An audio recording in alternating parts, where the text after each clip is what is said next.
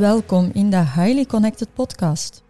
Ik ben Anja Peru, high-end relationship expert, en ik zet mijn jarenlange expertise in om jou als succesvolle ondernemer te begeleiden naar een leven met diepgaande, ondersteunende en warme relaties. Vanuit mijn innovatieve Highly Connected traject deel ik inzichten en strategieën om jouw blinde vlekken te ontdekken, om je patronen te doorbreken en je focus te bewaren. Ik deel herkenbare verhalen uit mijn praktijk, waardevolle inzichten uit mijn boeken en oprechte gesprekken met inspirerende gasten uit mijn netwerk. Met een breed spectrum aan hulpmiddelen en perspectieven wil ik je zelfbewustzijn en zelfrespect helpen vergroten. Mijn gasten delen openhartig de stappen die zij hebben gezet, zowel in hun professionele als persoonlijke relaties, en dat om jou te inspireren om je eigen leven voluit in eigen handen te nemen. De Highly Connected podcast die gaat over alle levensdomeinen. En dat gaat dan over levensveranderende beslissingen, aannemen van een nieuwe mindset, tot het verbeteren van relaties en het omgaan met stress. En ook spiritualiteit wordt besproken, maar dan eerder gezien vanuit mijn realistische en down-to-earth lens. Ik geloof namelijk sterk in het verenigen van wetenschap en spiritualiteit en in deze podcast wil ik beide werelden samenbrengen in een verfrissende en inspirerende mix. Veel inspiratie gewenst.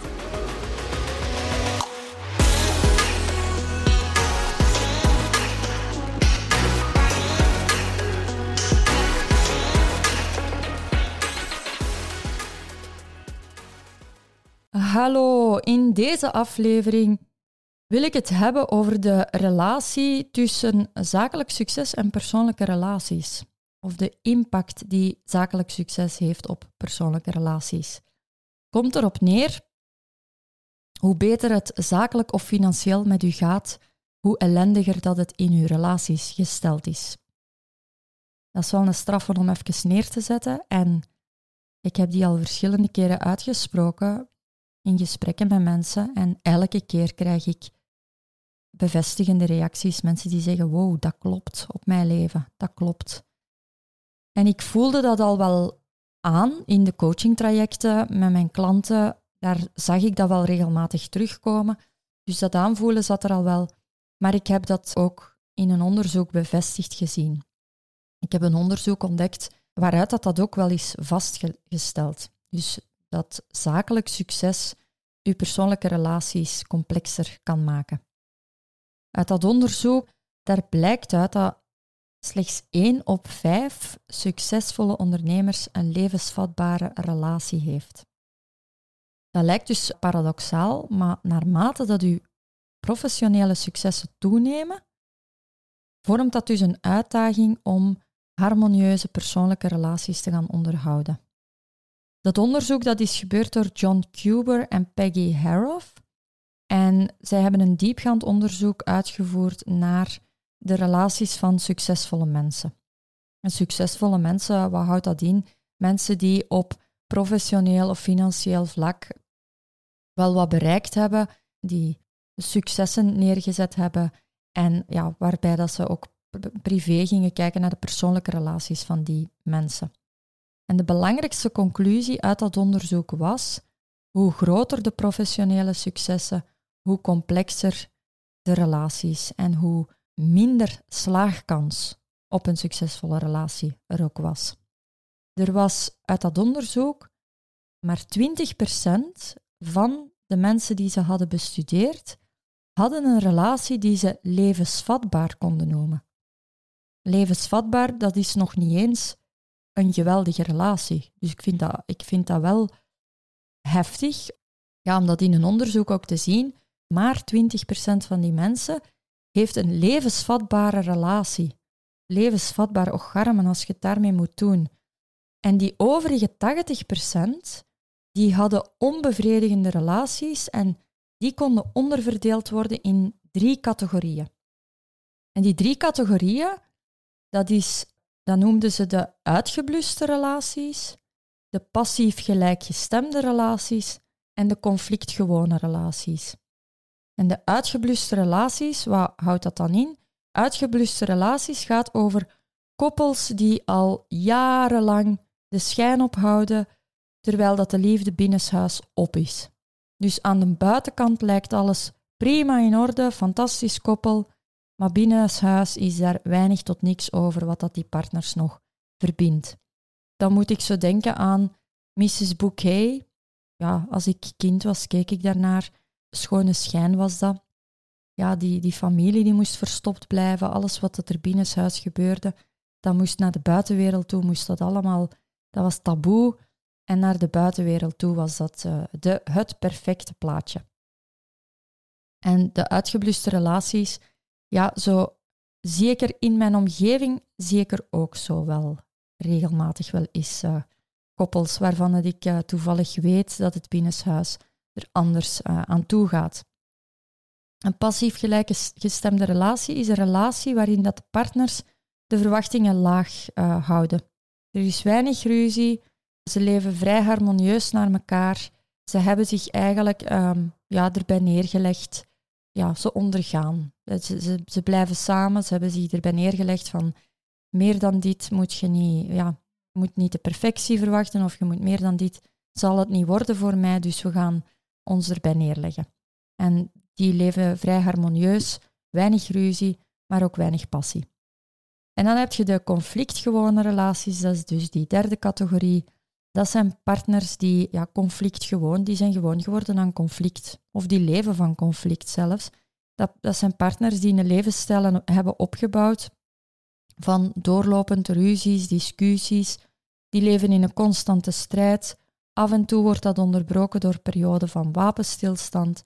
Maar dat lijkt alsof dat die bijna leven voor die conflicten, dat die daar niet zonder kunnen. En dat is allemaal goed en wel als twee mensen ja, daarin overeenkomen. Als twee mensen erin overeenkomen van we gaan uh, een conflictgewone relatie, we gaan constante strijd hoog houden of we gaan in passiviteit of we gaan gewoon de schone schijn hoog houden naar buiten toe en binnen een ander leven leiden. Dat is allemaal goed als twee mensen onderling daarin overeenkomen. Ik vind dat een beetje, ik heb daar zelf een mening over. Het is minder oké als daar kinderen in in dat verhaal mee zitten, want welk voorbeeld leeft je voor de kinderen? En ja, dan gaat je later verwachten dat je kinderen betere relaties hebben, maar je hebt u nooit het voorbeeld gegeven van wat een goede relatie dan is. En je zit er nooit eens, niet eens naar op zoek gegaan, of je hebt nooit niet eens de moeite gedaan om na te gaan van ik wens een goede relatie voor mijn kinderen, dus ik ga eraan beginnen om te onderzoeken wat een mooie relatie voor mezelf dan kan zijn daar heb ik zo wat moeite mee. Als er geen kinderen aan te pas komen en twee mensen willen op die manier, die, die hebben op die manier alle twee dat ze zich er oké bij voelen, dan ben ik, ja, ben ik niemand om daar een uitspraak over te doen. Dan is dat helemaal prima. Waarom is dat dat mensen in de problemen komen, waarom dat succesvolle mensen ellendige relaties hebben eigenlijk? Wel, de eerste reden die zit gewoon in het feit dat ze succesvol zijn. Succes dat komt niet zonder druk of actie en zorgt ervoor dat de kloof met anderen groter wordt. Succes, wat heb je daarbij? Mensen gaan u ook anders percipiëren. Je hebt zelf uh, met succes, daar komt bij dat je regelmatig zelf uit de comfortzone moet gaan. Mensen die succesvol zijn, die moeten soms ook moedige beslissingen nemen. En met die moedige beslissingen ja, daarvoor moeten ze van hun hart soms een steen maken en dan komen ze ook harder over naar anderen toe of dan gaan ze zelf ook harder worden soms. Vanuit plicht, niet vanuit, vanuit dat ze dat willen, vanuit van intern uit, maar dat ze denken dat dat zo moet, dat dat erbij komt omdat ze anders eraan ten onder gaan. En de buitenwereld percipieert die succesvolle mensen ook anders. De buitenwereld die denkt van, goh, die hebben het allemaal voor elkaar. En ja, die gaan daar hun karretje aan willen hangen of gaan willen bij tanken.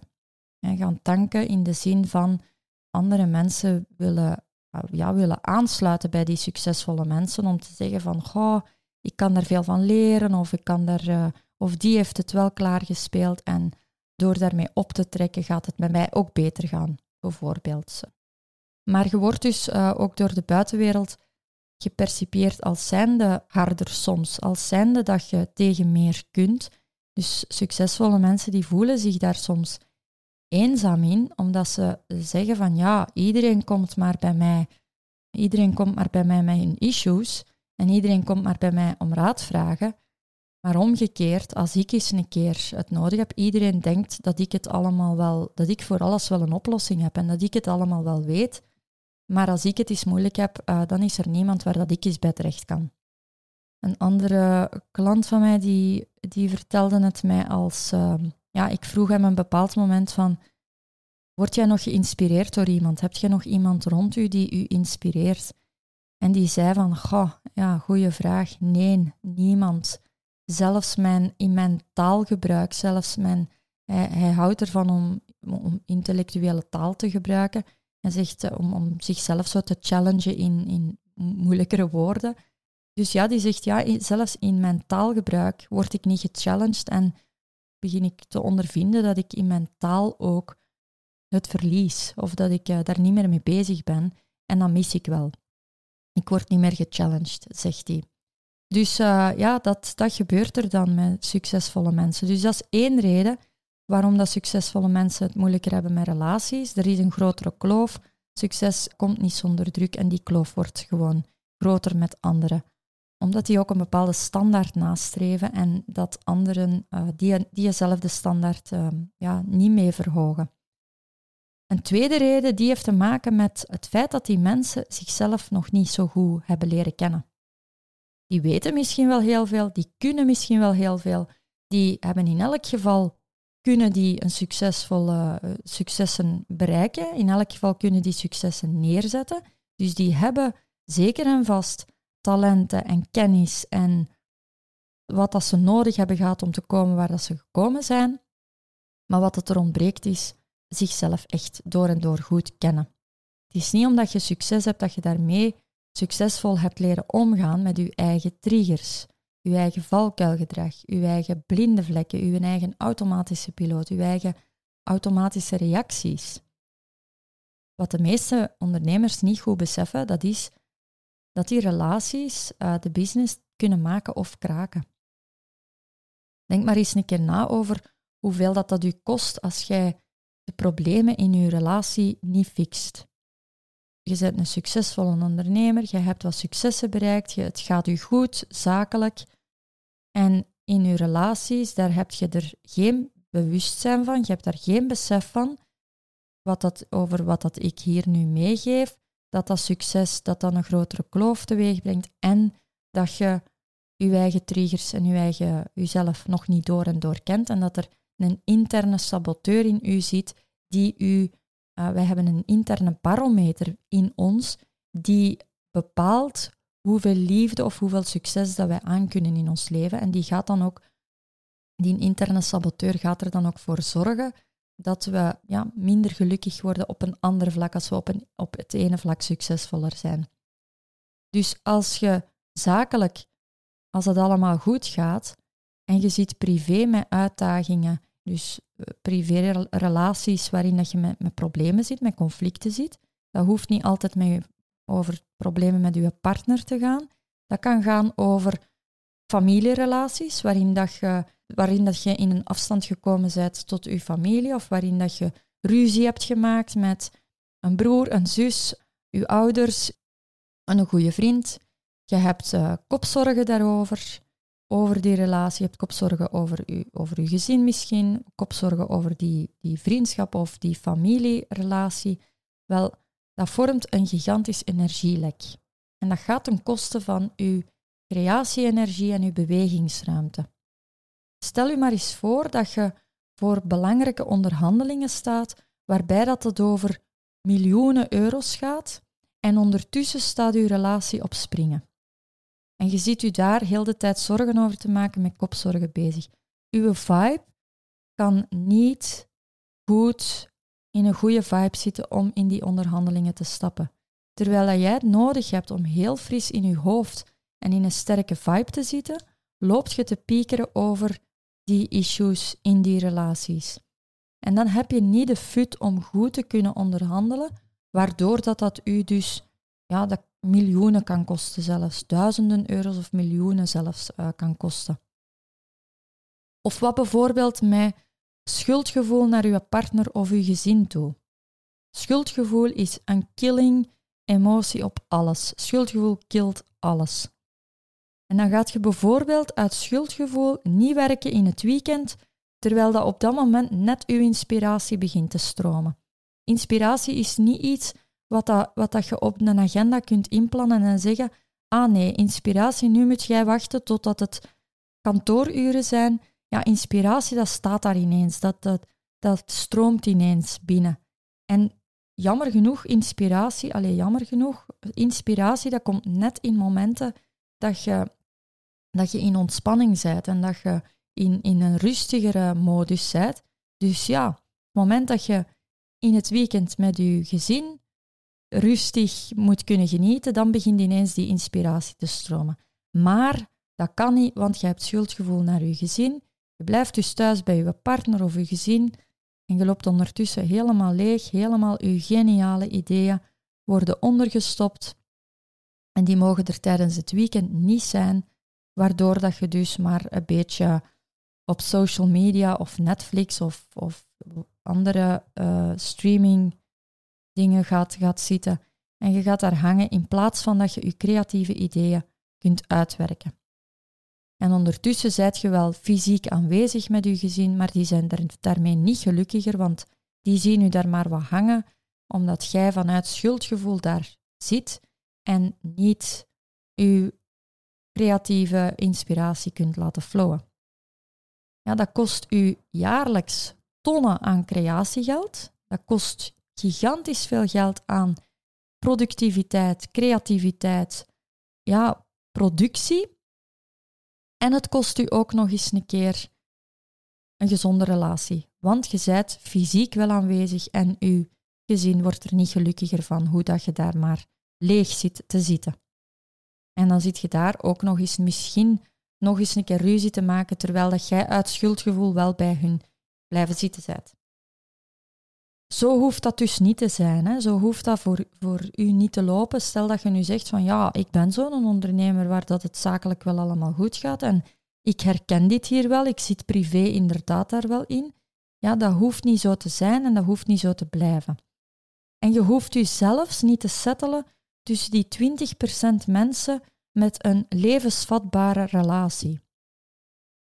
Dat zou ik ook nog niet jammer vinden. Dus uh, eh, 20% levensvatbaar je hoeft je niet te settelen met een levensvatbare relatie omdat je het zakelijk nu net goed hebt. Dus het hoeft niet te zijn een of-of ding. Hè, dat je moet kiezen tussen of je zakelijk succes of een mooie relatie. Wat als jij nu eens een keer de mooiste relatie van je hele vriendenkring zou kunnen hebben? En wat als jij nu eens in je relatie gestimuleerd wordt, dat je je gestimuleerd voelt, dat je supergoed in je vel zit en waardoor dat je niet verstoord wordt in je flow. Want als je dus een, succesvolle business hebt gebouwd, dan heb je ook alle eigenschappen in huis om die relaties ook succesvol te maken. Zelfs als uw relatie het nu momenteel heel zwaar te verduren heeft, welke relatie dat, dat dan ook is, het hoeft niet over de partnerrelatie altijd te gaan, dus welke relatie het ook is, Zelfs als dat momenteel het heel zwaar is en het lijkt erop dat er geen andere optie is dan, dan uit elkaar te gaan of te moeten breken met elkaar. Ik kan u garanderen dat, dat, dat het mogelijk is. Ik ben daar zelf het levende voorbeeld van. Mijn man die liet mij jaren geleden, dat is mijn beleving van het verhaal, even ter verduidelijking. Mijn, mijn man die liet mij jaren geleden zitten voor de buurvrouw. Vijf maanden later was zij zwanger. Hij kreeg daar dus een kind mee. En drie jaar later, als zijn kind dus twee jaar was ongeveer, kwam hij terug bij mij aankloppen. Dat ik liever niet gewild had, natuurlijk. En terwijl dat ik mijn vertrouwen in hem moest terugwinnen, de eerste vraag die mensen stellen is: waarom neemt je die dan terug in je leven? Omdat ik voelde langs alle kanten, door heel mijn lijf voelde ik dat dat de man van mijn leven was. En dat ik hem deze keer niet ging laten, uh, ja, laten gaan of niet ging laten opnieuw wegsnoepen, ik zal het zo maar zeggen. En terwijl dat ik mijn vertrouwen in hem moest terugwinnen, werd er ook nog eens van mij verwacht dat ik mijn hart openstelde voor een, het kind van een ander dat ik niet gewild had. Nu, wij zijn zoveel jaren later, hè, zijn zoon was uh, toen ongeveer twee jaar en nu is die 16 jaar. Zoveel jaar later zijn wij gelukkig getrouwd. We hebben daar twee prachtige kinderen bij gekregen. En hij is in onze business de sterke man die mij bij alles wat dat ik onderneem, mij draagt, mij ondersteunt, waarin dat wij samen door challenges nog altijd eh, regelmatig gaan. Wij zijn net uh, mensen zoals een ander die ook onze challenges doormaken. Wij maken ook de, eh, de puberteit van zijn zoon nu door, waar dat ik als plusmama opnieuw uitgedaagd word om daarmee om te gaan. En hoe zijn wij daarin geslaagd en wat is daar de toverformule voor? Wel, ik ga al beginnen met te zeggen wat dat niet hielp. Wat dat ons niet hielp, of wat dat zelfs ons verder uit elkaar dreef en wat dat het zelfs moeilijker maakte, dat waren de klassieke therapeuten die eerder vanuit de theorie spraken, mensen die eerder vanuit het klassieke gezinsbeeldje, het klassieke patroontje, klassieke maatschappelijke plaatjes spraken, terwijl ze totaal niet begrijpen hoe dat die wereld in elkaar zit. Ik hou niet van eindeloze, wollige sessies waarin dan mij gevraagd wordt om mij te verplaatsen in het slachtofferschap van anderen of waarin dan mijn verleden kapot geanalyseerd moet worden. Ik hou daar niet van, dat heeft mij nooit geholpen. Er wordt dan zo gezegd van ja, maar stel u in de plaats van die anderen en kijk eens vanuit dat perspectief en eh, ga eens in het verleden. Nee, wat dat ik ontdekte, wat dat mij wel vooruit hielp, dat was dat wij als koppel pas echt vooruitgang gingen boeken en sterker werden nadat ik de focus volledig op mijzelf ben beginnen leggen. Ik ben echt bij alles wat dat mij triggerde, bij alles wat dat er mij diep ongelukkig maakte, ben ik echt gaan onderzoeken van wat dat, dat voor mij kwam zeggen, wat dan mijn gevoelens, daar durven voor gaan staan, daar durven de focus op leggen, daar durven in te gaan kijken, in plaats van mij in de andere te proberen verplaatsen en in plaats van bij de andere iets te gaan, iets te gaan willen ja, bijdragen of mij te focussen op de andere. Dat hielp mij, ik voelde langs alle kanten in mij dat dat mij niet hielp en dat dat zelfs meer energie trok van mij. Terwijl dat zodra dat ik het op mezelf begon te, te richten en dat ik, dat ik er zelf begon uit te groeien en dat ik dingen leerde over mezelf, begon er terug energie te stromen, omdat ik zelf kennis begon op te doen, uh, mijzelf begon te begrijpen in waarom dat ik voelde wat ik voelde, in wat dat ik getriggerd was.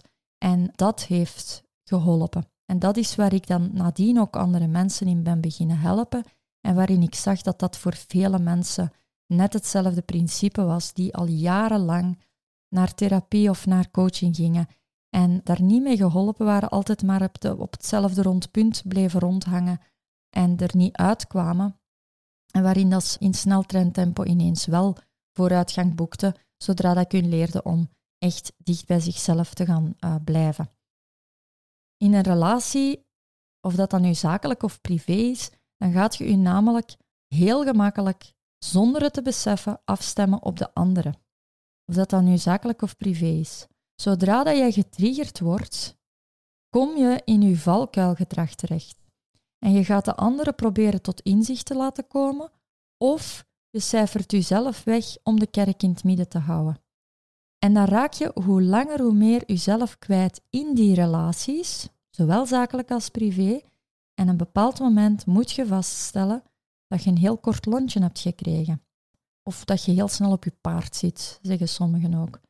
Maar wat dan niemand ziet, dat is dat je eigenlijk een heel lang lontje hebt. Alleen heb je vergeten aan te geven waar dat, lontje is aangestoken, want je hebt dat zelf niet beseft, dat er ergens het lontje is aangestoken gaat en waar dus de bron ligt van uw ontploffing. Dat zeg ik regelmatig tegen ondernemers die hier komen. Dan zeggen die, ja, ik zit nogal gemakkelijk op mijn paard. Of ik heb een, uh, nogal een kort lontje. Dan geef ik u mee van, nee, je hebt een lang lontje. Alleen is er ergens langer geleden dat lontje aangestoken geweest. Dat is getriggerd geweest. En hij is smeulend, is dat aan het lopen geweest. Dat is een etterende wonde die die stilletjes aan aan het etteren en aan het verzweren was. En dan is er die laatste trigger, dan is er dat laatste extra druppeltje dat erbij komt. En dan is dat het lontje in het kruidvat dat ontploft. Maar dat dat lontje al langer aan het smeulen was, dat heeft niemand gezien. En dan zit je met het oordeel van buitenuit en ook het zelfoordeel dat je nogal gemakkelijk ontploft. Succesvolle ondernemers die zijn het dikwijls gewend om zich bezig te houden met het kruidvat van anderen.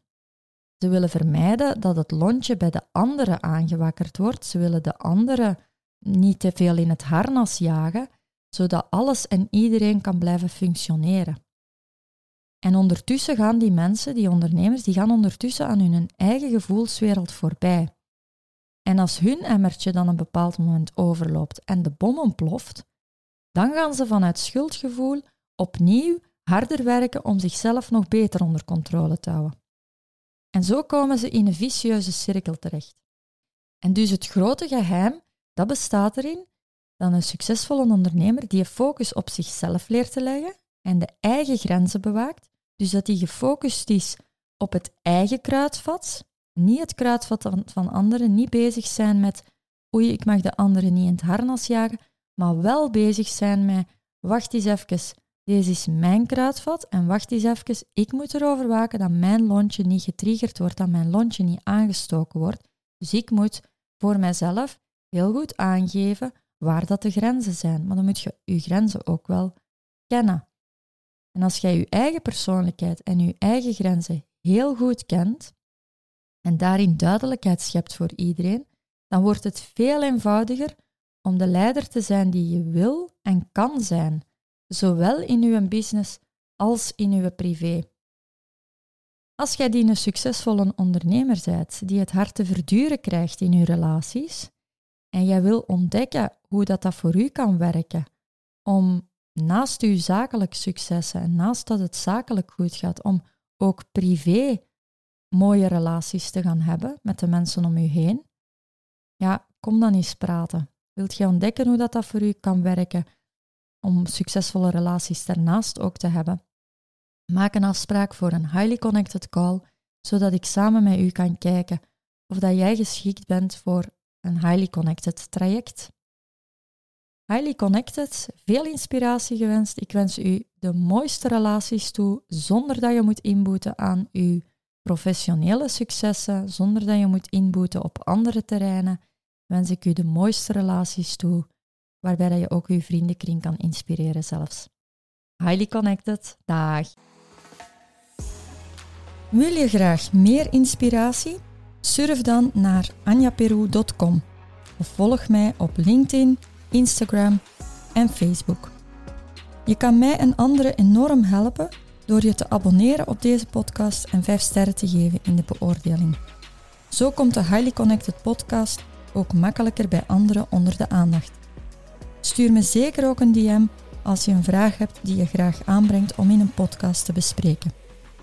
Dank je wel in elk geval om mij te volgen en je te laten inspireren.